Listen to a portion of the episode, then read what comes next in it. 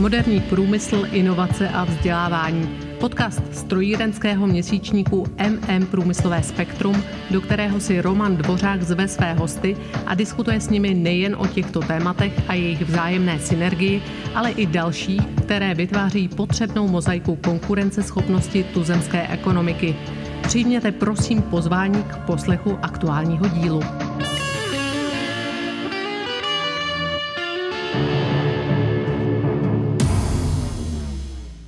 Dobrý den. Tentokrát nemám ve studiu žádného hosta, ani se s nikým telefonicky či online nepropojím. Vítám vás u série podcastů, ve kterých komentuji aktuální situaci ze svého úhlu pohledu. Pokud vás mé myšlenky a úvahy osloví a inspirují, budu rád a děkuji za případnou reakci.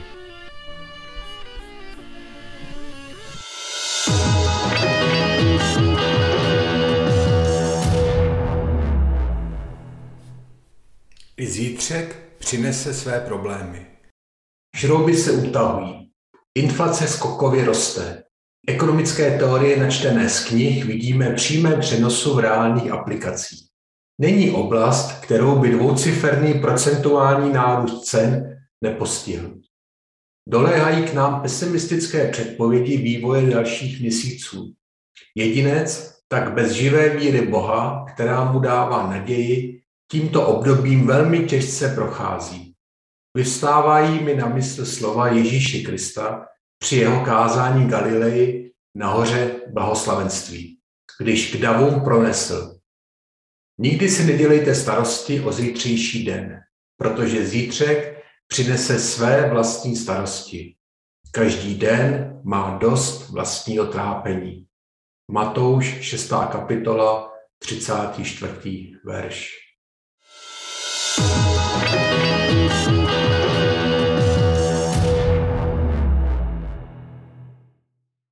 Rozumím, že koncentrace špatných zpráv za poslední dva roky je velmi intenzivní a pragmatické pohledy ekonomické povahy do blízkého budoucna při sejmutí růžových brýlí přinášejí pro většinu lidí pramálo naděje. Nepropadejme však zoufalství. Kromě dvou, tříleté destabilizace způsobené globální ekonomickou krizí v roce 2008 jsme přes 20 let zažívali život takřka bez rizika a i po spackané ekonomické transformaci v 90. letech jsme nakonec měli na růžích ustláno. Alespoň já to tak vnímám. Kontinuální bezprecedentní konjunktura levné úvěrové peníze, velmi nízká nezaměstnanost, stále se zlepšující životní úroveň a rostoucí střední třída. To byly stavební kameny nového milénia. Rychle jsme z naší mysli vytěsnili fakt, že v oblastech, kam jsme za předchozího režimu jezdili k moři, zuřila nelítostná genocída mezi etnickými skupinami. Inflace u nás tehdy v roce 1993 dosahovala 20% a povodně v roce 1997 naši pokladnu stály 60 miliard. Bohužel války, pandemie a krize od nepaměti k životu patřily. Proto nezoufejme a buďme aktivní. Zaměřme se na pomoc ohroženým nízkopříjmovým skupinám. Nezapomínejme, že uprchlíci stále potřebují naši pozornost. Konečně ji stanovme energetickou státní koncepci, zbavme se závislosti na ruském plynu a akcelerujme přechod obnovitelným zdrojů a jaderné energetice. Aktuálně aktivně ovlivňujeme politiku Evropské unie. Od července k tomu máme jedinečnou příležitost. A hlavně myslíme na to, že tato Putinova agrese nemusí být poslední černou labutí s nepředvídatelným dopadem na společnost. Určitě přijde další krize a po ní jiná katastrofa.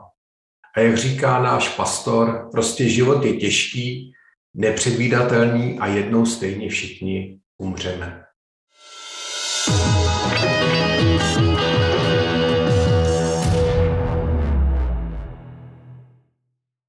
Po přepsání hranic v Evropě jsme 30 let žili v iluzi, že budoucnost zbavená hrozby komunistického impéria bude probíhat v duchu základního demokratického principu spolupráce. Doufali jsme, že po další generace bude docházet k naplnění slov Tomáše Garika Masaryka o tom, že demokracie není panováním, nýbrž prací k zabezpečení spravedlnosti, která je matematikou humanity. Putin tento v Evropě výjima balkánský genocid 30 let trvající princip porušil. Stojíme před řádově zásadnějším problémem, než byla pandemie covidu. Je to globální energetická krize, která bude negativně ovlivňovat plánované finančně náročné zpomalení klimatické změny a zabránění dalšímu zvyšování průměrné teploty na naší planetě. Jak Evropě, tak i USA nezbyde totiž nic jiného, než vynakládat obrovské finance na zbrojení, aby se šílené impérium na východě udrželo v hranicích, kam patří, a po Ukrajině nepokračovala ruská agrese směrem k nám na západ.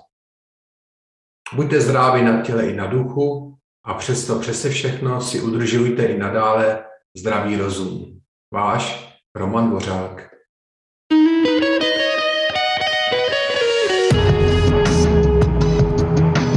Děkujeme vám za poslech podcastu strojírenského měsíčníku MM Průmyslové spektrum a věříme, že nám zachováte přízeň i nadále. Již nyní připravujeme další zajímavá témata. Aby vám žádné z nich neuniklo, odebírejte prosím naše podcastové vysílání. Děkujeme. Hezký den.